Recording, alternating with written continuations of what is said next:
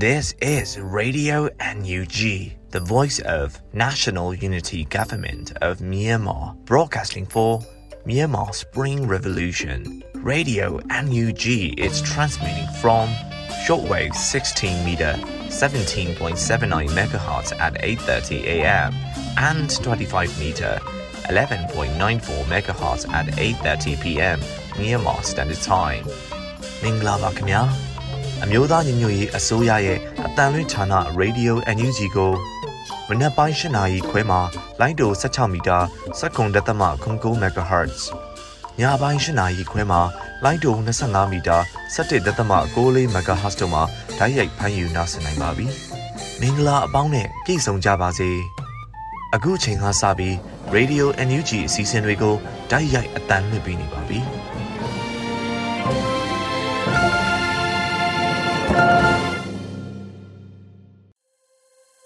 မြန်မာနိုင်ငံသူနိုင်ငံသားအပေါင်းတဘာဝပြီးဆရာနာရှင်ပြီးတို့ကနေကင်းဝေးပြီးကိုစိတ်နှစ်ပါးဘေးကင်းလုံခြုံကြပါစေလို့ရေဒီယိုညူချီဖွယ်သားများကဆုတောင်းမြတ်တာပို့သလိုက်ရပါတယ်ရှင်။အခုချိန်ကစပြီးနောက်ဆုံးရသတင်းများကိုမျိုးဦးမောင်မှဖတ်ကြားတင်ပြပေးပါတော့မယ်ရှင်။မင်္ဂလာပါခင်ဗျာ။ယခုချိန်ကစပြီး Radio NUG မနက်ခင်းသတင်းများကိုဖတ်ကြားတင်ပြပေးပါတော့မယ်။ယခုတင်ပြပေးမယ့်သတင်းတွေကတော့ Radio NUG သတင်းတာဝန်ခံတွေနဲ့ခိုင်လုံသောမိဖက်သတင်းရင်းမြစ်တွေမှာအခြေခံထားတာဖြစ်ပါတယ်။ကျွန်တော်ကတော့ຫນွေဦးမှာပါခင်ဗျာ။ပထမဦးဆုံးသတင်းအနေနဲ့အမျိုးသားညီညွတ်ရေးအစိုးရဂျားကာလဒေသန္တရပြည်သူ့အုပ်ချုပ်ရေးဖော်ဆောင်မှုဗဟိုကော်မတီနဲ့ပဲခူးတိုင်းပြည်သူ့အုပ်ချုပ်ရေးအဖွဲ့များတွဲဆုံဆွေးနွေးခဲ့တဲ့သတင်းပဲဖြစ်ပါတယ်။အမျိုးသားညီညွတ်ရေးအစိုးရဂျားကာလဒေသန္တရပြည်သူ့အုပ်ချုပ်ရေးဖော်ဆောင်မှုဗဟိုကော်မတီနဲ့ပဲခူးတိုင်းပြည်သူ့အုပ်ချုပ်ရေးအဖွဲ့ဝင်များတွေ့ဆုံဆွေးနွေးခဲ့ကြပါတယ်။ ဇန်နဝါရီ9ရက်အမျိုးသားညီညွတ်ရေးအစိုးရဂျားကာလဒေသန္တရပြည်သူ့အုပ်ချုပ်ရေးဖော်ဆောင်မှုဗဟိုကော်မတီနဲ့ပဲခူးတိုင်းပြည်သူ့အုပ်ချုပ်ရေးအဖွဲ့များတွေ့ဆုံဆွေးနွေးပွဲအစည်းအဝေးတစ်မြင့်ဆောင်2023ကိုကျင်းပခဲ့ပါတယ်။ အစည်းအဝေး၌ဂျားကာလဒေသန္တရပြည်သူ့အုပ်ချုပ်ရေးဖော်ဆောင်မှုဗဟိုကော်မတီအဖွဲ့ဝင်ပညာရေးဝန်ကြီးဌာနကျန်းမာရေးဝန်ကြီးဌာနပြည်ထောင်စုဝန်ကြီးဒေါက်တာဇော်ဝေစိုးမှပြောကြားရာတွင်ဒေါ်လန်ရေးသည်အချိန်အဟုန်မြင့်ရန်ပြင်ဆင်လျက်ရှိကြောင်းယခုဆွေးနွေးပွဲများ၌မြေပြင်ကဆွေးနွေးချက်များသည့်အဓိကကြကြောင်းမြေပြင်အခြေအနေမှန်များကိုသိရှိမှသာလုပ်ငန်းများအကောင့်ထဲပေါ်ဆောင်နိုင်မည်ဖြစ်ကြောင်း မြေပြင်၌လည်းစီမံခန့်ခွဲမှုများသည့်အရေးကြီးလာတဲ့ကဲ့သို့ NUG အစိုးရအနေနဲ့ရှေ့လျှောက်လှုပ်ဆောင်မှုများပုံမှန်များပြားလာမည်ဖြစ်ကြောင်းလုပ်ငန်းများနဲ့ပတ်သက်၍ကြိုတင်ပြင်ဆင်မှုများကိုဆောင်ရွက်ထားမှသာဒေါ်လာရေးကိုခိုင်ခိုင်မာမာဖြင့်ရှေ့ဆက်ရှောင်လန်းနိုင်မည်ဖြစ်၍အားလုံးပေါင်းစည်းညှိနှိုင်းဆောင်ရွက်သွားကြရန်တိုက်တွန်းပြောကြားခဲ့ပါတယ်။ ဆက်လက်ပြီးအစည်းအဝေးတွင်စီးပွားရေးနှင့်ကုသန်းရောင်းဝယ်ရေးဝန်ကြီးဌာနမှဌာန၏ဖွဲ့စည်းပုံလုပ်ငန်းဆောင်ရွက်ချက်များအားရှင်းလင်းပြောကြားခဲ့ပြီးပဲခူးတိုင်းပြည်သူ့အုပ်ချုပ်ရေးအဖွဲ့များမှမြေပြင်ကြုံတွေ့နေရသည့်အခက်အခဲများနှင့်သိရှိလိုသည့်များကိုအပြန်အလှန်ဆွေးနွေးခဲ့ကြပါသည်။တွေ့ဆုံပွဲသို့ဂျားကာလဒေသန္တရပြည်သူ့အုပ်ချုပ်ရေးဖော်ဆောင်မှုဗဟိုကော်မတီအဖွဲ့ဝင်များအမြဲတမ်းအတွင်းဝင်များတွဲဖက်အတွင်းဝင်များနဲ့ဌာနဆိုင်ရာများမှတာဝန်ရှိသူများပဲခူးတိုင်းပြည်သူ့အုပ်ချုပ်ရေးအဖွဲ့ဝင်များတက်ရောက်ခဲ့ကြပါတယ်ခင်ဗျာ ဆက်လက်ပြီးအကြမ်းဖက်စစ်ကောင်စီတပ်ကကျူးလွန်နေတဲ့စစ်ရာဇဝတ်မှုတွေအကြမ်းဖက်တပ်ဖြတ်မှုတွေကိုတန်အမတ်ကြီးဦးကျော်မိုးထွန်းကကုလသမဂ္ဂအတွင်းရေးမှူးချုပ်မစ္စတာအန်တိုနီယိုဂူတာရက်စီကိုပေးပို့ခဲ့တဲ့သတင်းပဲဖြစ်ပါတယ်။အကြမ်းဖက်စစ်ကောင်စီတပ်ကကျူးလွန်နေခဲ့တဲ့စစ်ရာဇဝတ်မှုတွေအကြမ်းဖက်တပ်ဖြတ်မှုတွေကိုတန်အမတ်ကြီးဦးကျော်မိုးထွန်းကကုလသမဂ္ဂအတွင်းရေးမှူးချုပ်မစ္စတာအန်တိုနီယိုဂူတာရက်စီကိုပေးပို့ခဲ့ပါတယ်။ ဇန်နဝါရီလ6ရက်နေ့ကပေးပို့လိုက်တာဖြစ်ပြီးတော့89ကြိမ်မြောက်ကုလသမဂ္ဂအထွေထွေညီလာခံရဲ့ဥက္ကဋ္ဌ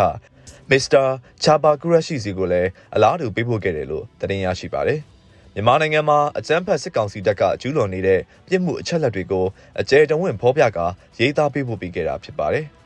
အဆိုပါရာဇဝတ်မှုကျူးလွန်တဲ့စစ်တပ်ရဲ့အကြောင်းအရာတွေကိုမှတ်တမ်းပေးဖို့ရမှာလေကြောင်းပစ်ခတ်တိုက်ခတ်မှုအပါအဝင်အကျဉ်းထောင်ထဲမှာနိုင်ငံရေးအကျဉ်းသားတွေအပေါ်ကျူးလွန်တဲ့ရာဇဝတ်မှုတွေလည်း ပါဝင်ပါတယ်ခင်ဗျာ။ဆက်လက်ပြီးစကိုင်းတိုင်းအင်းတော်မြို့နယ်နတ်မဟုတ်ကြီးကျေးရွာအတွင်းဒေသခံရှိဦးအစုလိုက်တပ်ဖြတ်ခံရသည့်ဖြစ်စဉ်ကို NUG လူ့အခွင့်အရေးဆိုင်ရာဝန်ကြီးဌာနကထုတ်ပြန်ခဲ့တဲ့သတင်းပဲဖြစ်ပါတယ်။စကိုင်းတိုင်းအင်းတော်မြို့နယ်နတ်မဟုတ်ကြီးကျေးရွာအတွင်းဒေသခံရှိဦးအစုလိုက်တပ်ဖြတ်ခံရသည့်ဖြစ်စဉ်ကို NUG လူ့အခွင့်အရေးဆိုင်ရာဝန်ကြီးဌာနကထုတ်ပြန်လိုက်ပါတယ်။ဇန်နဝါရီ9ရက်နေ့မှာ NUG လူ့အခွင့်အရေးဆိုင်ရာဝန်ကြီးဌာနကအသိပေးဖော်ပြပါတယ်။မ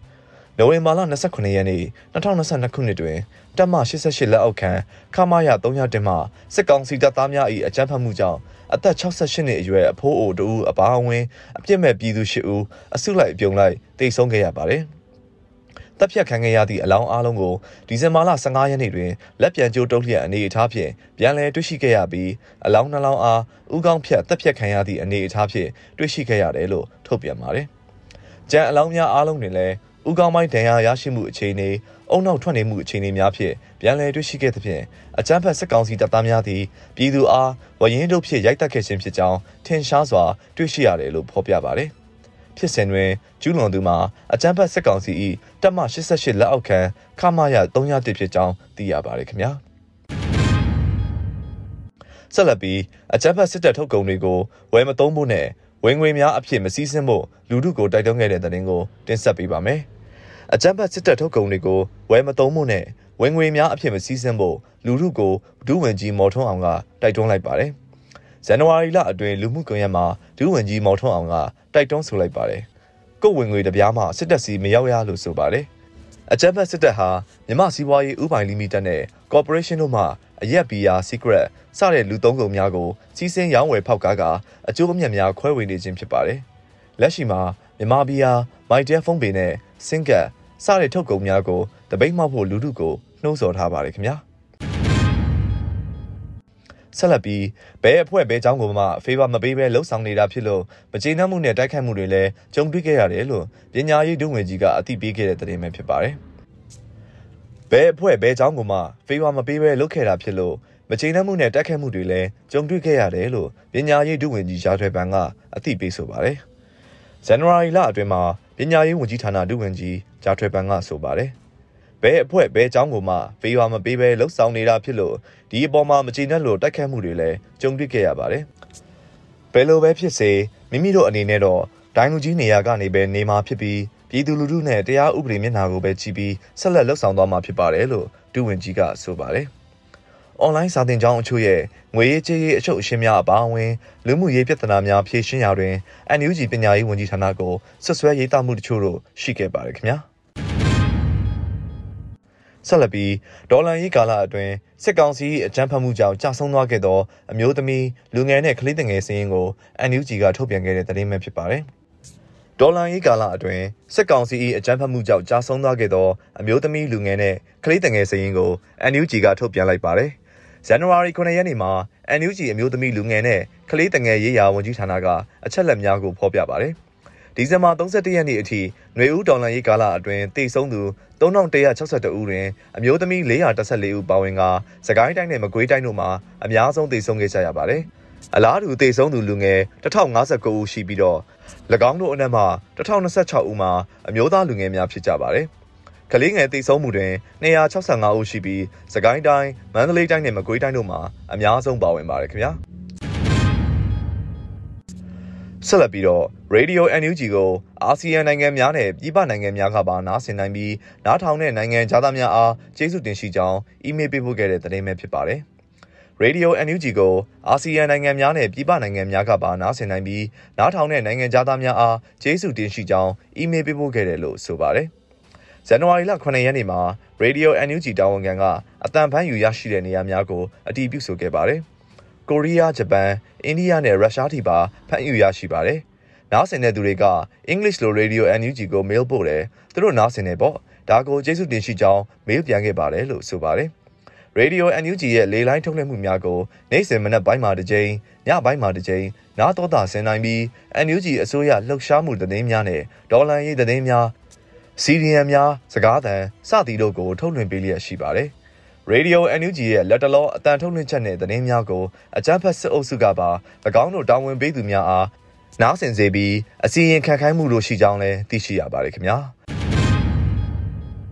ဆက်လက်ပြီးဒရိုက်တာကိုပေါက်ရက်ကူးတဲ့ရောင်နီလာယာလန်ရုပ်ရှင်ဇာတ်ကားဖေဖော်ဝါရီလ၄ရက်နေ့မှာနိုင်ငံတချို့မှစတင်ပြသဖို့ပြင်ဆင်နေတဲ့အကြောင်းပဲဖြစ်ပါတယ်။ဒရိုက်တာကိုပေါက်ရက်ကူးတဲ့ရောင်နီလာယာလန်ရုပ်ရှင်ဇာတ်ကားဖေဖော်ဝါရီလ၄ရက်နေ့မှာနိုင်ငံတချို့မှာစတင်ပြသဖို့ပြင်ဆင်နေတယ်လို့သတင်းရရှိပါတယ်။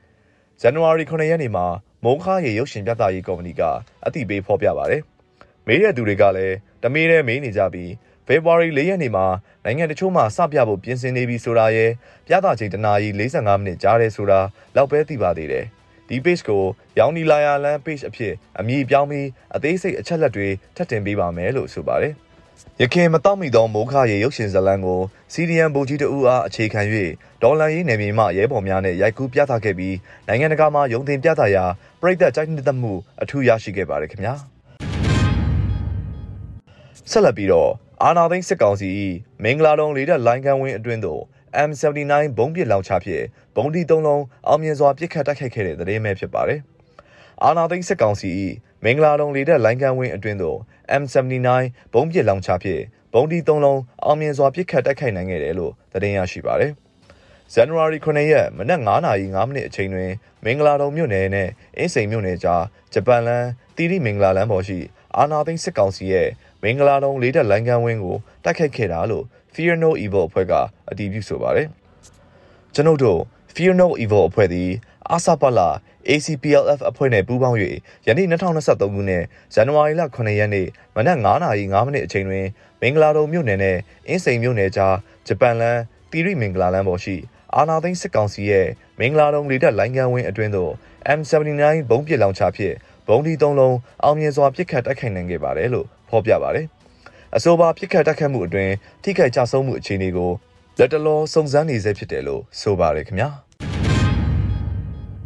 ဆက်လက်ပြီးအင်းတော်မြို့နယ်ပညာရေးမှုရုံးသားရှိစစ်ဆေးရေးဂိတ်တို့လာသောရဲကားတစ်စီးအားပျောက်ကြားအဖွဲ့အစည်းမှမိုင်းဆွဲခဲ့ရာရဲလေးဦးထိခိုက်၍တအူးမှတိတ်ဆုံးနိုင်တဲ့အကြောင်းကိုတင်ဆက်ပေးပါမယ်။စကိုင်းတိုင်းအင်းတော်မြို့နယ်ပညာရေးမှုရုံးသားရှိစစ်ဆေးရေးဂိတ်တို့လာသောရဲကားတစ်စီးအားပျောက်ကြားအဖွဲ့အစည်းတစ်ခုမှမိုင်းဆွဲခဲ့ရာရဲလေးဦးထိခိုက်၍တအူးမှာတိဆုံးနိုင်တယ်လို့သတင်းရရှိပါတယ်။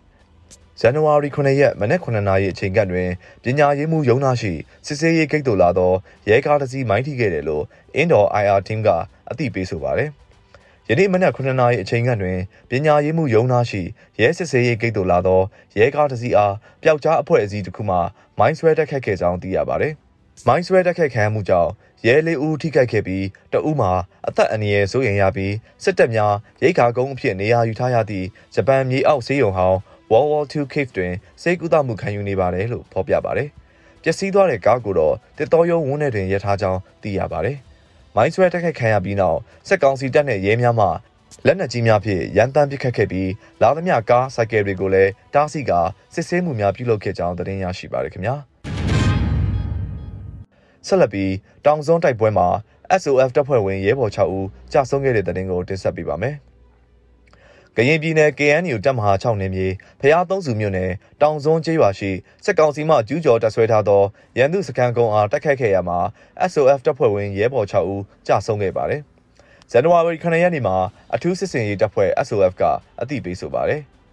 KNU တပ်မဟာ6နယ်မြေဖျားသုံးစုမြို့နယ်တောင်စွန်းကျေးရွာရှိစစ်ကောင်စီမှကျူးကျော်တပ်ဆွဲထားသောရန်သူစခန်းကုန်းအား KNLA တန်ရင်16မှတပ်ဖွဲ့ဝင်များတပ်မှုဘိုးအောင်ဆန်ရှားကိုတိုင်ဦးဆောင်သောအထူးစစ်စင်ရေးတပ်ဖွဲ့ SOF နှင့်ဗျူဟာမှုဘိုးအယ်ဆေဝါဦးဆောင်သော Lion Battalion စစ်ကြောင်းတို့ပူးပေါင်း၍ဇန်နဝါရီ၁ရက်နေ့မနက်4:45မှာစတင်ထိုးစစ်ဆင်တိုက်ခတ်ခဲ့တယ်လို့ဖော်ပြပါတယ်။ဇန်နဝါရီ၁ရက်နေ့မှ9ရက်နေ့အထိ 9ရက်ဇက်တိုက်ကြာမြင့်ခဲ့ပြီးနေရောညပါတိုက်ပွဲပြင်းထန်ခဲ့ပြီးတိုက်ပွဲအတွင်းရန်သူဘက်မှလေကြောင်းပစ်ကူများလက်နက်ကြီးပစ်ကူများနဲ့ခြေလျင်စစ်ကူများဖြင့်အလုံးအငင်းတက်ခတ်ခဲ့တော်လဲဒေါ်လန်ရေးအင်အားစုများမှ9ရက်ကြာသည့်အထိရန်သူစစ်ကောင်စီများအားပိတ်ဆို့တားဆီးကာပြင်းပြင်းထန်ထန်ချေမှုန်းထားနိုင်ခဲ့ပါတယ်။ဒေါ်လန်ရေးပူးပေါင်းအဖွဲ့များမှလက်နက်ကြီးများဒရုန်းပုံးသီးများစနိုက်ပါများနဲ့ချေမုံရေးအဖွဲ့များ၏တိုက်ခိုက်မှုကြောင့်ရန်သူဘက်မှ80ဦးခန့်အထိအတုံးအယုံကျဆုံးခဲ့ပြီး တရားကျော်ပြင်းထန်ထိခိုက်ဒဏ်ရာရရှိခဲ့ပြီးဒေါ်လန်ရေးအင်အားစုများမှ SOF တပ်ဖွဲ့ဝင်ရဲဘော်6ဦးပူးပေါင်းအဖွဲ့များမှရဲဘော်3ဦးစုစုပေါင်း9ဦးနိုင်ငံနဲ့ပြည်သူအတွက်မြင့်မြတ်စွာအသက်ပေးလှူခဲ့ပြီး15ဦးထိခိုက်ဒဏ်ရာမစိုးရိမ်ရရရှိခဲ့တယ်လို့ဖော်ပြပါတယ်။ကြာဆုံးရဲဘော်များ၏ရုပ်အလောင်းများအားပြန်လည်သယ်ယူခဲ့ပြီးအမိတ်ပြန်၍ကောင်းမွန်စွာတကြိုပေးခဲ့ကြောင်းရဲဘော်မိသားစုဝင်များနဲ့ပြည်သူများအားလေးစားစွာအသိပေးအပ်ပါတယ်လို့ဆိုပါတယ်ခင်ဗျာ။ယခုတင်ပြပေးခဲ့တဲ့သတင်းတွေကိုတော့ Radio NUG သတင်းတော်မင်းမင်းကပေးပို့ပေးခဲ့တာဖြစ်ပါတယ်။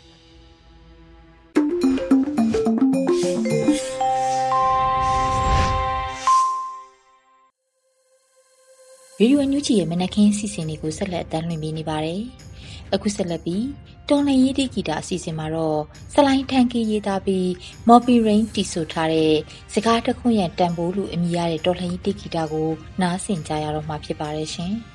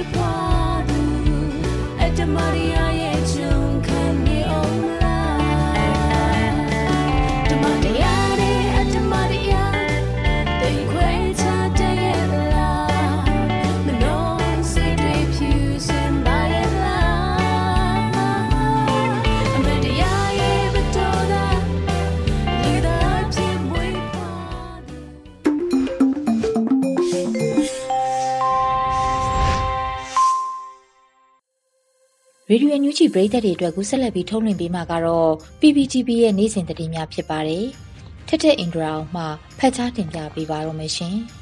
။အခုချိန်ကစပြီး PPTV သတင်းတွေကိုတင်ဆက်ပြီးတော့မှာပါ။ကျွန်မထက်ထက်အင်ဒရာအောင်ပါ။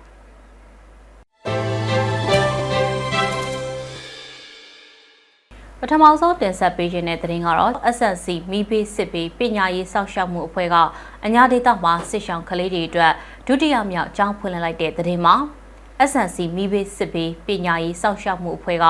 အညာဒေသမှာစစ်ဆောင်ကလေးငယ်တွေအတွက်ဒုတိယမြောက်အကြောင်းကိုဖွင့်လှစ်လိုက်ပြီလို့အသိပေးခဲ့ပါတယ်။စာသင်ကျောင်းဖွင့်လှစ်ခဲ့သလိုကလေးငယ်တွေအတွက်တင်ထောက်ကူပစ္စည်းတွေနဲ့လိုအပ်တဲ့ပစ္စည်းတွေကိုပေးအပ်လှူဒါန်းခဲ့တယ်လို့ဆိုပါတယ်။ SNC မိဘေးစစ်ဘေးပညာရေးစောင့်ရှောက်မှုအဖွဲ့က အညာဒေသကစစ်ဘေးရှောင်ကလေးတွေအတွက်စာသင်ကျောင်း6ခုဖွင့်လှစ်ဖို့စီစဉ်ထားတာလည်းဖြစ်ပါတယ်။ကျန်းရှိတဲ့စာသင်ကျောင်း၄ကျောင်းကိုအမြန်ဆုံးဖွင့်လှစ်နိုင်ဖို့အတွက်လည်း SNC အဖွဲ့ကလှုံ့ဆော်နေပြီးအလူရှင်တွေလိုအပ်နေတယ်ဆိုပြီးတော့အသိပေးထားပါတယ်။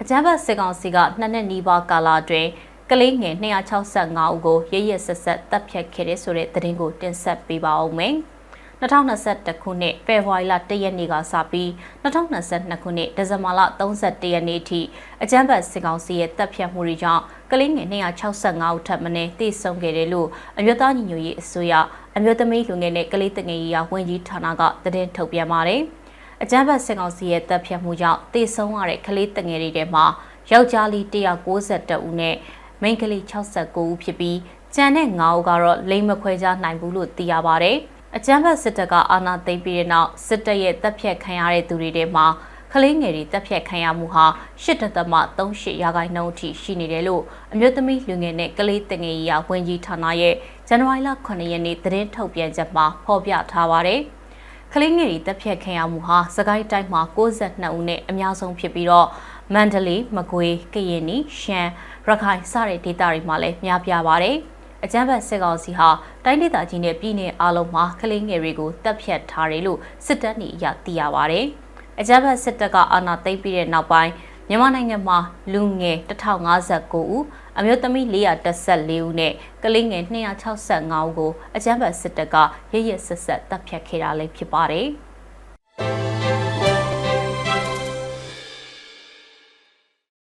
ဆက်လက်တင်ဆက်ပေးခြင်းတဲ့တဲ့ရင်ကတော့မြမအရေးကိုကြီးဆောင်ရွက်ဖို့ကံရောက်မြန်မာတွေထိုင်းတန်ယုံရှိတောင်းဆိုတဲ့တဲ့ရင်မှာထိုင်းနိုင်ငံအနေနဲ့မြမအရေးကိုကြီးဆောင်ရွက်ဖို့မြန်မာစစ်ကောင်စီအပေါ်မှာအာဆီယံအဖွဲ့ကြီးမှုအတိုင်းပြက်ပြက်သားသားဆက်ဆံမှု American ပြည်ထောင်စု Washington DC မှာရှိတဲ့ထိုင်းတန်ယုံရှိမှာမြန်မာဒီမိုကရေစီအင်အားစုတွေကတောင်းဆိုခဲ့ကြတာပါ။ ဒါအပြင်ပြည်တွင်းမှာတိုက်ပွဲတွေနဲ့အပြင်းအထန်ပြန်လည်ခုခံနေကြသလိုနိုင်ငံတကာမျက်နှာစာမှာလည်းမျက်နှာမလားဖြစ်နေတဲ့မြန်မာစစ်ကောင်စီကိုထိုင်းဆိုရကမျက်နှာသာပေးဆက်ဆံမှုလည်းမလုပ်ဖို့ကြွေးကြော်တောင်းဆိုခဲ့ပါတယ်။ဆန္ဒပြပွဲမှာဆီယနာရှင်စနစ်ကြဆုံရေးနဲ့မြန်မာပြည်ဒီမိုကရေစီပြန်လည်ထွန်းကားရေးပိုစတာတွေကိုလည်းပြသခဲ့ကြတာပါအဲ့ဒီဆန္ဒပြပွဲကိုဝါရှင်တန် DC မြို့တော်နဲ့အနီးတစ်ဝိုက်ကမြန်မာဒီမိုကရေစီအရေးတက်ကြွလှုပ်ရှားသူတွေပါဝင်ခဲ့ကြပါတယ်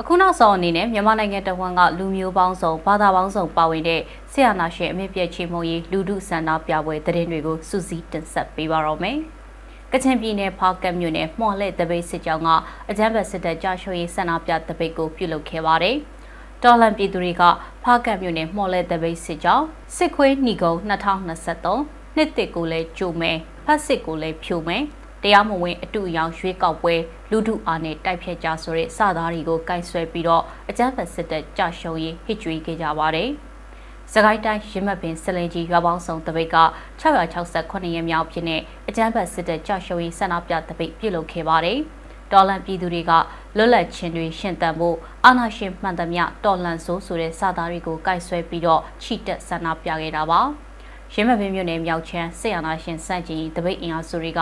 ဒီကနေ့မှာအကြမ်းဖက်စစ်တပ်ကြာရှုံးရေးအာယုံဦးတပိတ်ပြုလုပ်ခဲ့ပါတယ်။တော်လန်ပြည်သူတွေကဓမ္မကိုပူဇော်အဓမ္မကိုလောင်ကျွမ်းဆိုတဲ့စာသားကိုကင်ဆွဲပြီးချီတက်ဆန္ဒပြလှည့်လည်ခဲ့တာပါ။ရမပင်အရှိချမ်းရဲ့မြသွေးလူဒုတပိတ်စစ်ကြောင်းကတော့အကြမ်းဖက်စစ်တပ်ကြာရှုံးရေးဆန္ဒပြတပိတ်ပြုလုပ်ခဲ့ပါတယ်။ဆန္ဒပြတပိတ်ကိုတော်လန်ပြည်သူလူကြီးလူငယ်အတူလက်တွဲပြီးတော်လန်ရေးအောင်ပွဲစီညသွေးလူဒုချီတက်ပြီးဆိုတဲ့စာသားကိုကင်ဆွဲပြီးတော့ချီတက်လှည့်လည်ခဲ့တာပါ။ ကျေးဇူးတင်ပါတယ်ရှင်။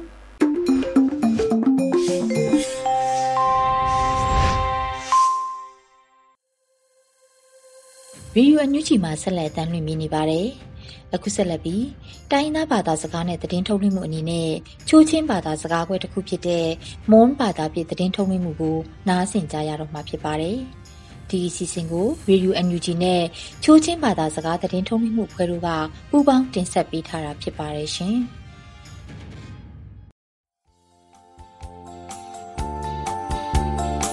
Kyo Radio namingai genu pa phinak tu namirai no adungai khokum phram kulam kulik tum January phikya khren hum nyama khokrung la khobong gang thuri mingai ba wai opkini adungai mingai wang thuri le ju minda mang ro yung internet himkin achang bang ra ba gi jia khokyang ri no me brenang thu judia khokum phram kulam kulik tum atu chikumung angru sui kongsi nan ba ya tu ba jia cdf minda no aprendong thu pi mingai ba opkini CDF Midubino Khamaya Chakthum Lak Chiju Sinne Kanagu Angkrik Swidanga CQ Limna Opki Jemongpi Ningai Bai Opkini Malaysia Khoyung မြန်မာခုကချောင်းစုံဖြောက်မှာတာသမ်ဒဝကေပန်းဦးနေမလီခုဆူယာဒန်ကနောကာချန်နာကာကာဒရီပြန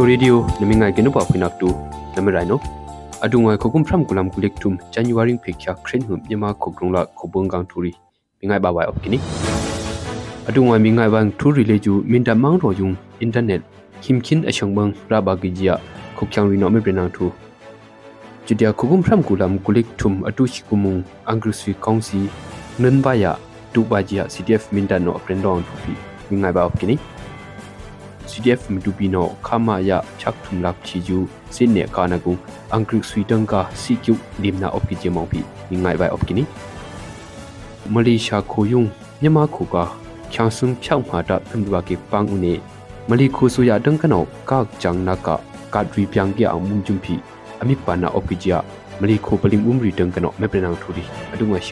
ာနက်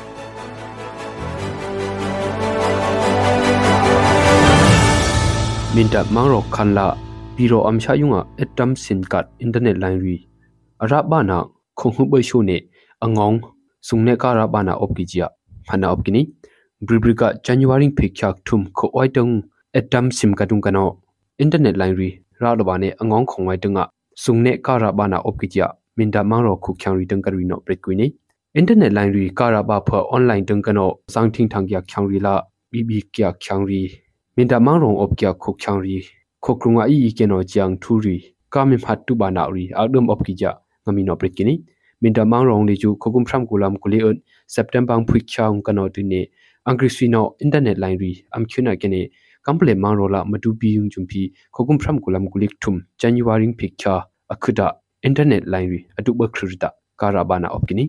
အင်္ဂရိစီကောင်စီနောအာနာရူဘရီကောနာအခဆုဘကြဆဲဟက်အင်္ဂရိစီကောင်စီနောအာနာရူဘရီကောနာဆဲကွန်နေရာတူလော့ကီယာချိုခုံနေကျူအင်္ဂရိစီကောင်စီတန်ကနောဧ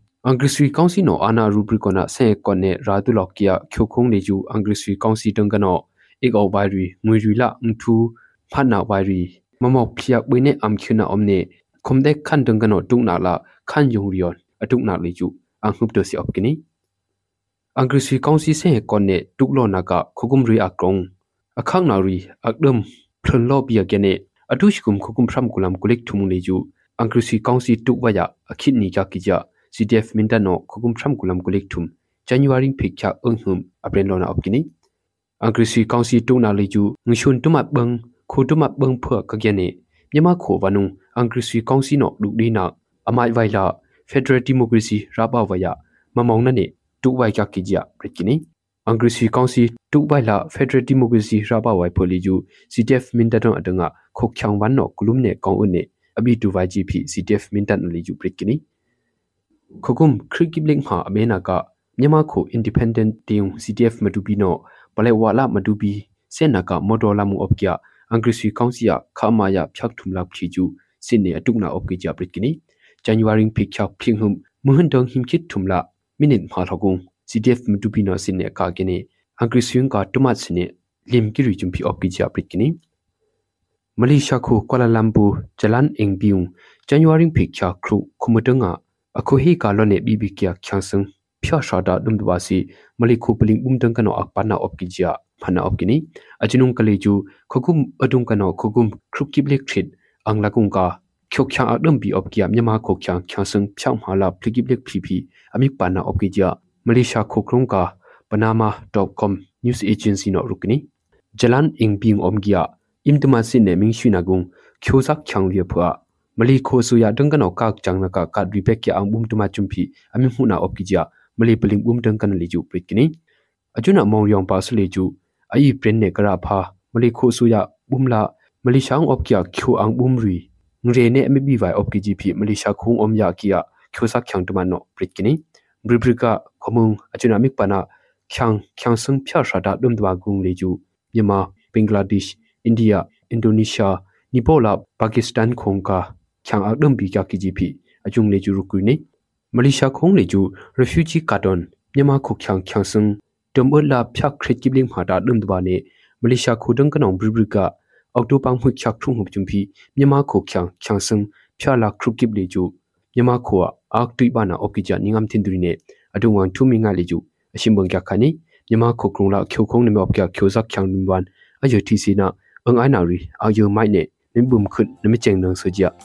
ပရင်ထနီနုပါဖိနာဝန်ဒိုင်နံဘာ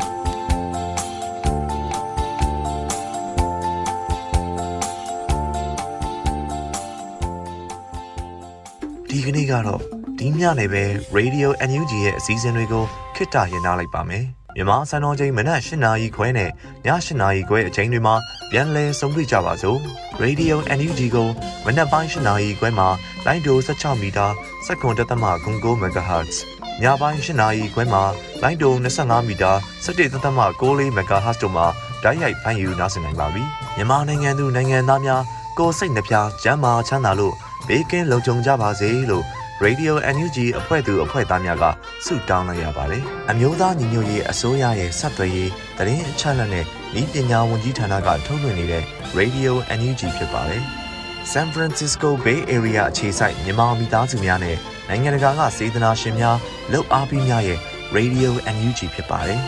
။အရေးတော်ပုံအောင်ရမည်